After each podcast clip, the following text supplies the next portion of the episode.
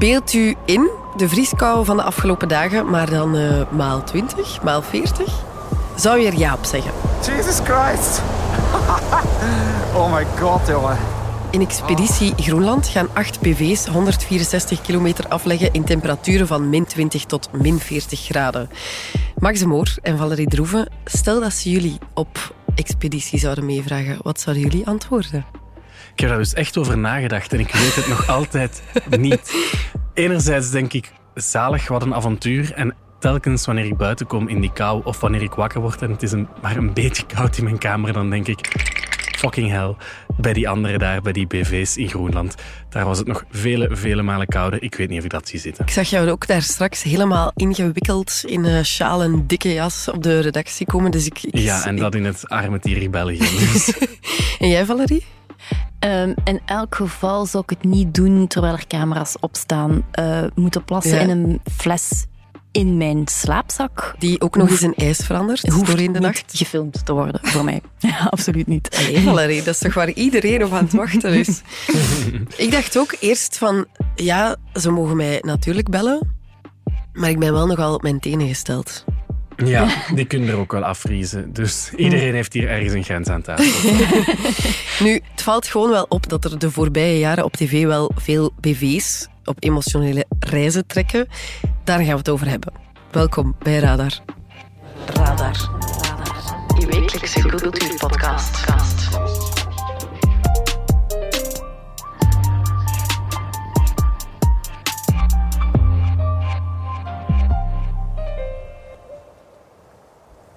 In Expeditie Groenland uh, zien we onder andere Average Rob, Pommelien Thijs en Tine Embrechts door Groenland trekken bij extreme temperaturen.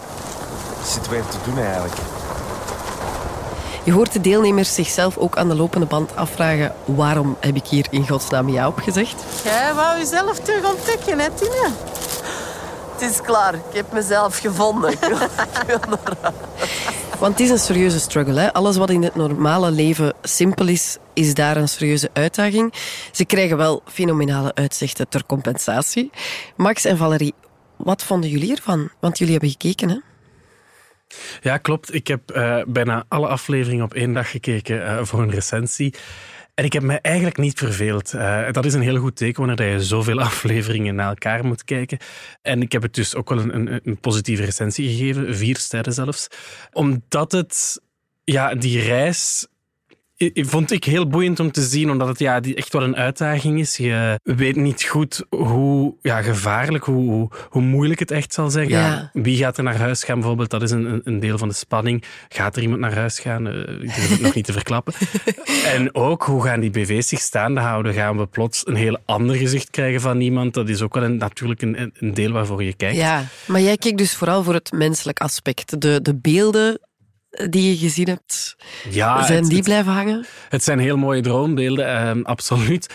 Ehm, van, van die wijdse vlaktes. Maar als je dat wil zien, ja, dan kan je ook gewoon naar National Geographic kijken. Mhm. en jij, Valerie?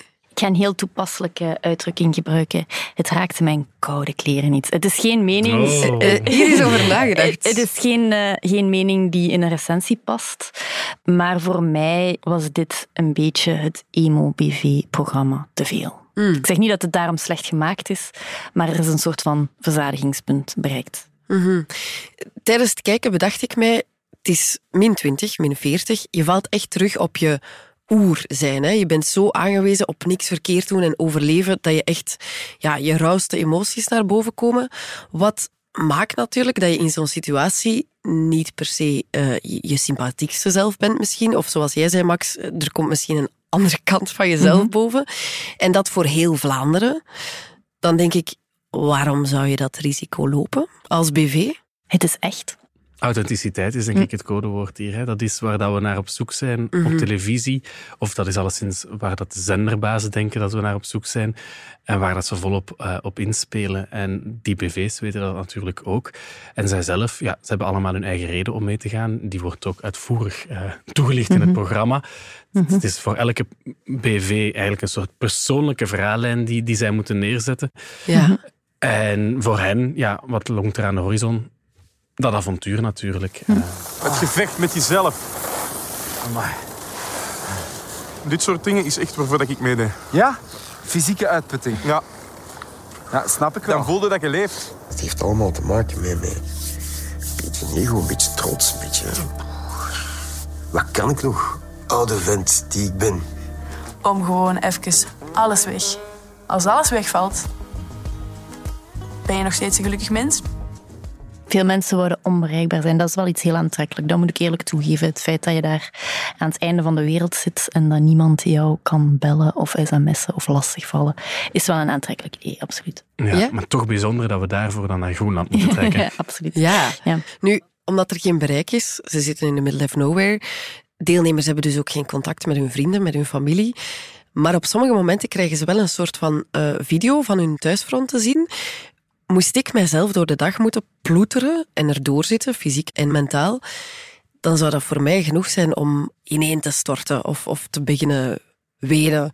Voel je dat dat de bedoeling is van de makers ook? Van oké, nu is het tijd om te blijten? Ik denk dat dat de bestaansreden is van de figuur Joris Hessels, Hessels. Daar heeft hij zijn hele carrière aan te danken. Ja, pas op. Maar in, in dit geval vond ik het er echt over. Ja. Is daar waar ik mij eigenlijk het meest aan geërgerd heb. Aan Joris Hessels of aan... Nee, eh, dus je kan je vragen stellen eh, over het feit dat heel die troep BV's naar een eh, precair eh, deel van de wereld moeten trekken, hè, dat heel ongerept is. En eh, er is een opiniestuk ook in de krant over verschenen. Ja, laat Groenland ongemoeid. Ja, daar kan je je al heel veel vragen bij stellen. Maar ik had zeker naar het einde van de reeks toe heel erg het gevoel, Joris Hessels heeft hier de opdracht gekregen om aan het eind van de tocht, als er niet meer veel te vertellen is, want we hebben alle plas- en kak-incidentjes al gehad, Ehm, hè, alle moeilijkheden, al het, eh, om toch de emo nu twee afleveringen lang te laten vloeien. Ja. En kan je daar de vinger op leggen waarom het nu de druppel te veel is? Want dat is eigenlijk het concept van emo-tv. Ja, dat, ik denk dat dat misschien eerder aan mij ligt dan, dan aan dit programma. hè. Want eh, Max heeft denk ik dat gevoel niet zo gehad eh, toen hij Ja, keek. ik denk dat dat ook wel is ehm, vanwege de kijkervaring die je hebt. Ja. Je hebt jarenlang televisie gekeken eh, voor je job. Ik heb dat stokje nu overgenomen. Misschien dat ik hier over vijf jaar ook zeg, eh, Ja. mijn emmer zit tot hier. Ehm, Jij zit nog ik in de prille beginfase. belangrijk- Ja, ik denk een belangrijke eh, verschil is bijvoorbeeld, ik heb over de oceaan, eerlijk gezegd, nog niet gezien. Ah, voilà. Ja, En wel. dit programma, het wordt wel vaak gezegd, is over de oceaan de wintereditie Ja. met meer afzien. Ja. Maar ik had daar echt het gevoel nog meer dat ik aan het kijken was naar mensen die een heel moeilijke reis ondernamen en die ja, dat, eh, de manier waarop ze dat aanpakten, zei wel iets over hun persoonlijkheid. En er werd ook wel gewerkt met een filmpje of een podcast eh, uit, eh, vanuit het thuisfront.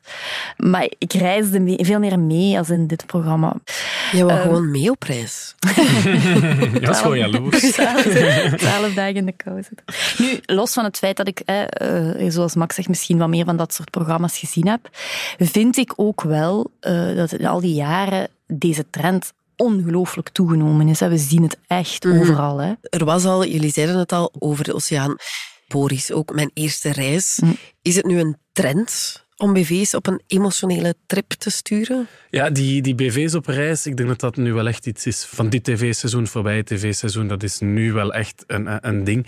De emo-televisie met BV's, eh, Dat is waar al dat langer ja, bezig, ja. eh, wat Valerie eh, ooit in de krant eh, de BV-bicht heeft genoemd. Een hele goede omschrijving, vind ik trouwens. Ehm, ja, dat is al langer aan de gang, want jouw stuk dateert van 2017. Mhm. Eh, dus dat is ondertussen al ja, bijna zeven jaar geleden. Je hebt het toen voorspeld eigenlijk. Ja, ik niet. Eh, maar het stuk dat ik toen geschreven heb, dat was na een hele rits eh, programma's die BV's centraal stelden, waar BV's altijd één aflevering geïnterviewd werden op een speciale manier. Eh, bijvoorbeeld Het Huis was toen nog niet zo oud. Eh, er was toen ook een format. Wat zouden ze doen in de laatste 24 uur van hun leven, was dat Ja. concept. Ehm, en daar werd ook heel veel gehuild. De specifieke aanleiding voor dat stuk was ehm, Sabine Hagedoorn, die in het huis voor het eerst vertelde over de dood van haar ja, ex-partner op dat moment. En eh, in die weken dat ik het stuk geschreven heb, ehm, zag je de hele tijd op VRT, op eh, één, die teaser eh, van geëmotioneerde Sabine Hagedoorn, die voor het eerst vertelde over ja, het ergste wat er in haar leven was gebeurd. En dat, die teaser, ik vond dat dat iets heel bevreemdends had. Want Sabine Hagedoorn was in dienst van de VRT. En haar werkgever gebruikte haar verdriet om een programma met haar te verkopen. Toen was dat echt een heel vreemde gewaarwording. Ondertussen ja, zijn die, is dat honderdduizend keer uh, al gebeurd. Want toen was Ja. dat eigenlijk nog nooit voorgevallen. Ja, dat of- was wel al voorgevallen, maar niet zo extreem, denk ik. Ehm, we, we lazen meestal dat soort eh, verhalen in de boekjes of Ja. in, in interviews. En toen waren we in een tijdperk verzeild geraakt waarin we eigenlijk die biechten in de tv-programma's. Dus ik begon mij dan zo af te vragen van, tja, als ik nu bijvoorbeeld, als iemand nu bijvoorbeeld bij VTM een, een eh, exclusiviteitscontract tekent, hè, van ik ga zoveel programma's maken, wordt daar dan ook iets over gezegd? Hoeveel van mijn privéleven ik in die programma's moet, moet je daar ja, dan ook is beginnen over krantencontractueel onderhandelen? vastgelegd. Ja, en ik denk wat aantrekkelijk is voor die beroemdheden om dat te doen, is het feit dat dit narratief natuurlijk veel meer kan beheersen en zelf in handen houden. Waar En je- daarom wantrouw ik het ook. Ja, maar ik begrijp ook heel goed van hun kant dat het soms akelig is om, om dat verhaal uit handen te geven, eh, zeker als het om persoonlijke zaken gaat. Eh, en, en Absoluut, ja. ja, we weten ook natuurlijk hoe de media werkt. Of als er een kop eh, je niet aanstaat, ja, daar, daar heb je niet veel zeggenschap over. Eh, die stukken ja, moeten ook gewoon in de krant verschijnen op een aantrekkelijke manier op papier worden gebracht. Bij de ene titel is dat al anders dan bij de andere. Eh, nu, die, ehm, wat er toen in 2017 gebeurde, is volgens mij ook aangevoerd door eh, sociale media, Instagram, waar dat ehm, heel veel BV's ook op zaten om hun eigen PR te verzorgen en waar dat de mensen die hen volgden ook van hen verwachten dat er een soort van nabijheidsgevoel was. En dat authenticiteit is op Instagram ook heel lang een, een buzzword geweest. Maar Ehm, de vaststelling is dus dat, dat je vroeger... ehm, allee, bijvoorbeeld een van de programma's die in- rond 2017 ook ontstaan waren, was het programma Op de boot van Gert eh, Verhulst. Ja. Waar dat je niet meer gewoon als BV even een avondje, eigenlijk de laatste show, daar kwam je langs, je maakte een paar grapjes, dat was duidelijk ook allemaal heel erg gescript, eh, goed voorbereid. eh, de grappen kopte je binnen, pam. Maar bij eh, Gert Verhulst moest je op zijn boot een week lang blijven. Je werd gefilmd, bij wijze van spreken, voordat je goed en wel al wakker waart. Eh, dat, die, hetgene dat die mensen moeten geven, eh, die lijn ehm, schuift Schuift op, ja. allemaal meer op. Ja, want dat is natuurlijk van een programma als de Expeditie Groenland bijvoorbeeld. Daar is het, we zetten jullie in die extreme omstandigheden, zodat jullie dat masker niet meer kunnen ophouden. En dan is aan ons, als de kijker, eigenlijk de belofte, nu krijgen jullie pakweg Pommelien Thijs Echt. echt te zien. Eh, Pommelien Thijs, die heeft gelukkig altijd een stevige glimlach op. En, eh, daar is het nog steeds graven. Ik dacht, ik hoop ik geloof dat, zij ik gewoon in- echt het, het zondagskind is dat zij is. Maar dat is een ik- mooie illusie. ja, dat kan een mooie illusie zijn. Ik denk ook wel ehm, vanuit dan die bekende Vlamingen, of waarom bijvoorbeeld een Joris Hessels spreekt over zijn relatie met zijn vader. Voor hen is dat toch vaak een soort van ja, een nobel doel, een gevoel van: kijk, ik gebruik mezelf als breekijzer om iets op tafel Iets te leggen. herkenbaar Om iets te herkenbaar waar mensen dan thuis over kunnen praten. Want ik kan me inbeelden dat heel veel kijkers daar misschien wel iets aan hebben als een soort van rolmodel. Dat is inderdaad wel waardevol, wat Max daar zegt, dat is absoluut zo. Ehm, maar dat neemt niet weg dat ik toch een klein beetje aan het snakken ben, en misschien klink ik hier als een oude zeur, naar ehm, zo de Luc Appermond BV van vroeger. En wat maakte hem... eh, Ja. Of waarom slak je naar Luc Ik ben Appermond? toen eh, Luc Appermond gaan interviewen, omdat ehm, in, in de fleuren van zijn carrière was die man ehm, geurloos en kleurloos. Dat was een, een soort van master of ceremony. Die presenteerde een programma en je wist niks over hem. Ja. Je wist dat hij zijn vak kon. Punt. Een Daar- puppet eigenlijk. ja. Hij is ook geëvolueerd natuurlijk, hè, want de allereerste mens die in het huis heeft gezeten destijds, hè, een van die programma's waar de BV's hun hart op tafel leggen, eh, was Luc Appermond. En wie was zijn mystery guest daar? Hè. Toen Luc Appermond nog echt actief was als presentator, wist niemand wat zijn geaardheid was. Laat staan dat het grote publiek wist dat hij een relatie had met Bart Kael. Nu vinden wij het heel belangrijk dat zo iemand uit de kast komt en dat zegt en, een, een rolmodel is. Ja. En dat is ook allemaal heel waardevol. Maar soms denk ik ook, ah, ik vind het eigenlijk ook wel eens leuk om gewoon een vakman aan het werk te zien. En, en niet te weten per se wat het diepste van zijn zielenroerselen zijn. En wanneer is dat dan veranderd? Dat is geleidelijk aan veranderd. Eh, er is veel veranderd, denk ik. Eh, eh, rond het BV-schap in Vlaanderen, toen dat VTM ontstaan is in 1989. Het inzicht van uh, zeker Christian van Tilo was toen heel duidelijk dat uh, die BV's meer waarde kregen als er over gepraat werd. Dus in de boekjes, in Dag Allemaal, in Story, hè, stonden dan interviews met die mensen die uh, glamoureus op tv kwamen. Dat was voor Vlaanderen, denk ik, echt een moment waarop dat BV-schap gecreëerd is. Wat Luc Appermond mij in 2017 op wees, is dat ook door het ontstaan van woestijnvis en zo, nadien presentatoren ook de programmamakers werden. Hè. Mhm. Bijvoorbeeld Schalkse Ruiters, hè, toen Tom Leenaerts en Bart de Pauw, die presenteerden dat niet gewoon zelf, maar die maakten dat ook Ja, dat was echt hun baby. Ja, dat was hun baby. Dus die verpersoonlijkte nog veel meer dat programma. Dat werden al maar meer ook persoonlijkheden. Hè. Maas en zo zijn ook mensen die in die categorie thuis horen. Ik herinner mij nog heel goed dat Luc Appermond absoluut niet tegen was in 2017, maar hij stelde zich wel de vraag het mag er niet over gaan. Waar gaan we over vijf jaar staan? En waar staan we max over vijf jaar? Wat voor programma's zijn er in 2023? Toch redelijk verregaande programma's. We volgen de vermageringskuur van BV's. We volgen tot bij de psychiater. Eh, ja. In, in, echt in de, uh, ja, in, bij de psychiater hè, tijdens de sessies volgen. Ja, ja, Dus intiemer kan eigenlijk niet. Echt niet, ja. Uh, dus dat is, een, ja, dat is straf. Is dat ook de reden waarom ze BV's bijvoorbeeld nu in, in nog extremere situaties zetten, om nog authentieker te zijn? Ik vraag me af hoe we nog authentieker kunnen gaan dan met je, naast je psychiater, om daar dan ja, je brein op tafel te leggen. um, maar je, je, voelt dat die grens opschuift, toch? En het perverse is dan wat jij zegt, dat je dan aan tijd het gevoel krijgt, ja, maar in hoeverre is dit nog authentiek? Het, het, moet allemaal zo authentiek zijn dat, dat je eraan begint te twijfelen van, maar waarom kijk ik hier nog naar? Waarom doen zij dat? Uh, en dan wordt het wel moeilijk. Langs de andere kant, ik wil er ook niet te cynisch over zijn, bijvoorbeeld een programma als Boris, toen dacht ik op voorhand ook, hm. hoe heeft Jerome dat nu gepitcht? Of hoe is dat nu tot bij hen gekomen? Want ik ga met twee maten naar Canada met de assen van mijn broer om die reis te maken. Even mijn, verdriet vermarkten. Zo. Ja, ja zo kwam het inderdaad over. En ik dacht ook gewoon met mezelf, hoe zou, als ik in zijn plaats, hoe zou ik dat dan bij mijn familie vertellen? Hmm, heel raar. Maar dan kijk je dat programma ja. en dan komen ze er wel mee weg. Dan is het wel echt mooi en respectvol gebracht. Ja, dat, was ik, daar ben ik het volledig mee eens. Dat dat heel, heel, heel goed gedaan is. Ja. En waar zit dan voor jullie het verschil? Er is een, denk ik een heel groot verschil met die programma's. Uh, die komen echt, uh, die vertrekken volgens mij vanuit een grote noodzaak van die mensen zelf, van Jerome zelf, om die te maken.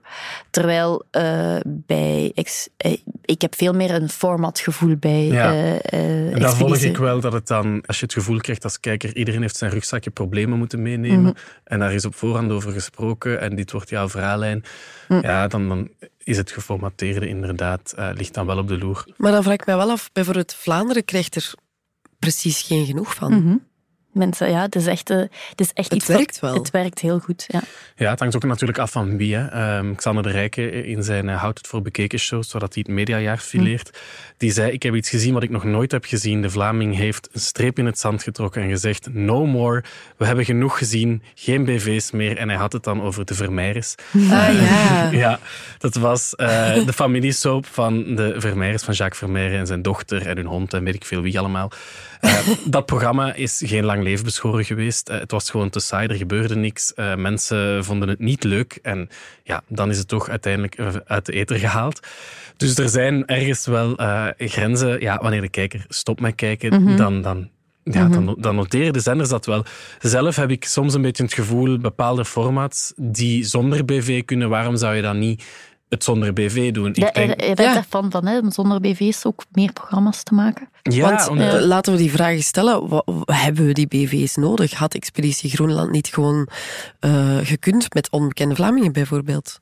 Ik denk het wel. En ik vind het dan wel leuk om voor een bepaalde tijd, zoals bijvoorbeeld de Mol, en ja. dat is ook echt een van die mhm. succesrecepten van de Mol, om voor een bepaalde tijd mensen te leren kennen, mm -hmm. daarin mee te gaan. Mm -hmm. Heel belangrijk daarbij is natuurlijk goede casting. En daar mhm. steekt de mol enorm veel Mhm. tijd in. Ja. Dat zag je bijvoorbeeld ook bij Bestemming X. Dat werkte minder, omdat die groep precies minder goed ineen zat. Ook minder interessante kandidaten. Mhm. Waardoor dat interpersoonlijke, wat bij mol... Ja, ja oké, de, de, de challenges zijn tof, maar het draait toch echt om die groep. Dat is heel tof en dat zou ook kunnen bij de Expeditie Groenland. Maar zo casting, ik zeg het, dat vraagt natuurlijk uh, een grote investering. We hebben nu bijvoorbeeld net Celebrity Masterchef gehad op uh, Play 4 dat is een programma dat eigenlijk ontstaan is met onbekende mensen. Mm en die dan in ook buitenland. in het buitenland, mhm. inderdaad, loopt op de BBC heel populair in Australië. Dat zijn onbekende Australiërs, hobbycooks of, of souschefs, die dan echt uh, gedurende lange tijd die challenges aangaan, honderd dagen of zo, of misschien zelfs langer. En dan zie je ook de progressie bij die mensen. Ze, gaan, ze worden veel beter in koken, er wordt ook uitgelegd, je leert daarbij als je daar naar mhm. kijkt. Vind ik veel interessanter dan BV's die 15 dagen lang hun agenda hebben vrijgemaakt. En ja, dan zie je die andere kant, hoe, uh, ja, hoe maakt Bent van Lloyd in de keuken of Coqueline de Merkpoel beter? Ik vind dat niet de interessantste vraag. Niet iedereen is het daarmee eens. Die mensen, ja, ze hebben 15 dagen heel intensief gefilmd blijkbaar, dat heb ik mij wel laten vertellen. Maar hoeveel progressie kan je echt maken op 15 dagen? Mhm. Ja, zoiets zou ik echt veel liever zien uh, met onbekende mensen en een goede casting. Maar again, dat vraagt wel uh, een investering van de zender. En die mensen die BV zijn, dat is denk ik ook iets wat we niet uit het, niet uit het oog mogen verliezen. Die zijn het gewoon en die kunnen performen. Ja, iemand als Pommelien zal kijkers trekken, toch? Mm -hmm. Absoluut, ja. Daar, daar, kijken ze ook naar. Ja. Hoe kunnen we een zeer diverse groep samenstellen? Daar is vier, ook, Play 4 ook heel goed in. Mm. Doen ze ook met Over de mm. Oceaan. Een populaire figuur, maar dan ook bijvoorbeeld iemand als Sven Marie, die mm. de lezers van de Standaard dan wel kennen van op de binnenlandpagina's enzovoort. Ja, ook de mhm. Ginny Beels. Zo zit ik met mijn 15-jarige zoon naar Expeditie Groenland te kijken. Ja. en zijn we het oneens over wie de held van het programma is.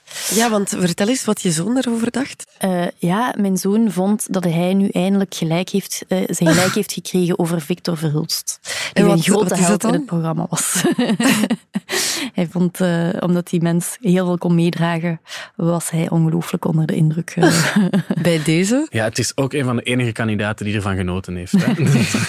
hij zegt ook, ik hou van afzien, dat is eraan te zien, want hij liep altijd vooraan met een smile op zijn gezicht. Um, Valerie, in 2017 ja, voorspelde je het al in je artikel met Luc Appermond hoe de situatie er nu uh, uit zou zien.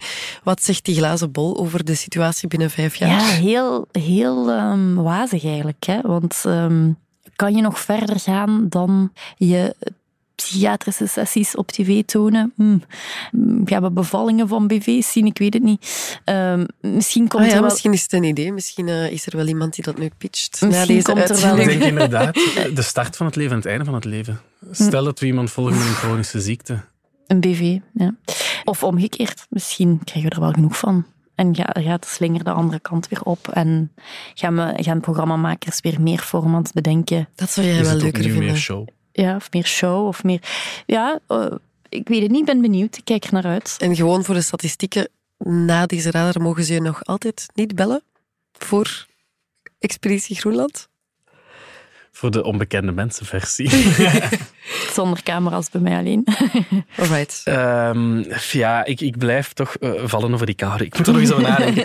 Het gaan wandelen en doen, allemaal ja. Maar dan in die tent moeten kruipen en... en die bucht opeten. Mm ja. en het stopt maar niet. Oeh, ik krijg er toch een beetje kriebels van. Dat is heel duidelijk. Max en Valerie, merci. Graag gedaan. Graag gedaan. Voilà, dit was Radar, de wekelijkse cultuurpodcast van de Standaard. Ik hoop dat je ervan genoten hebt. Alle credits vind je op standaard.be-podcast. Merci om te luisteren en uh, tot volgende week.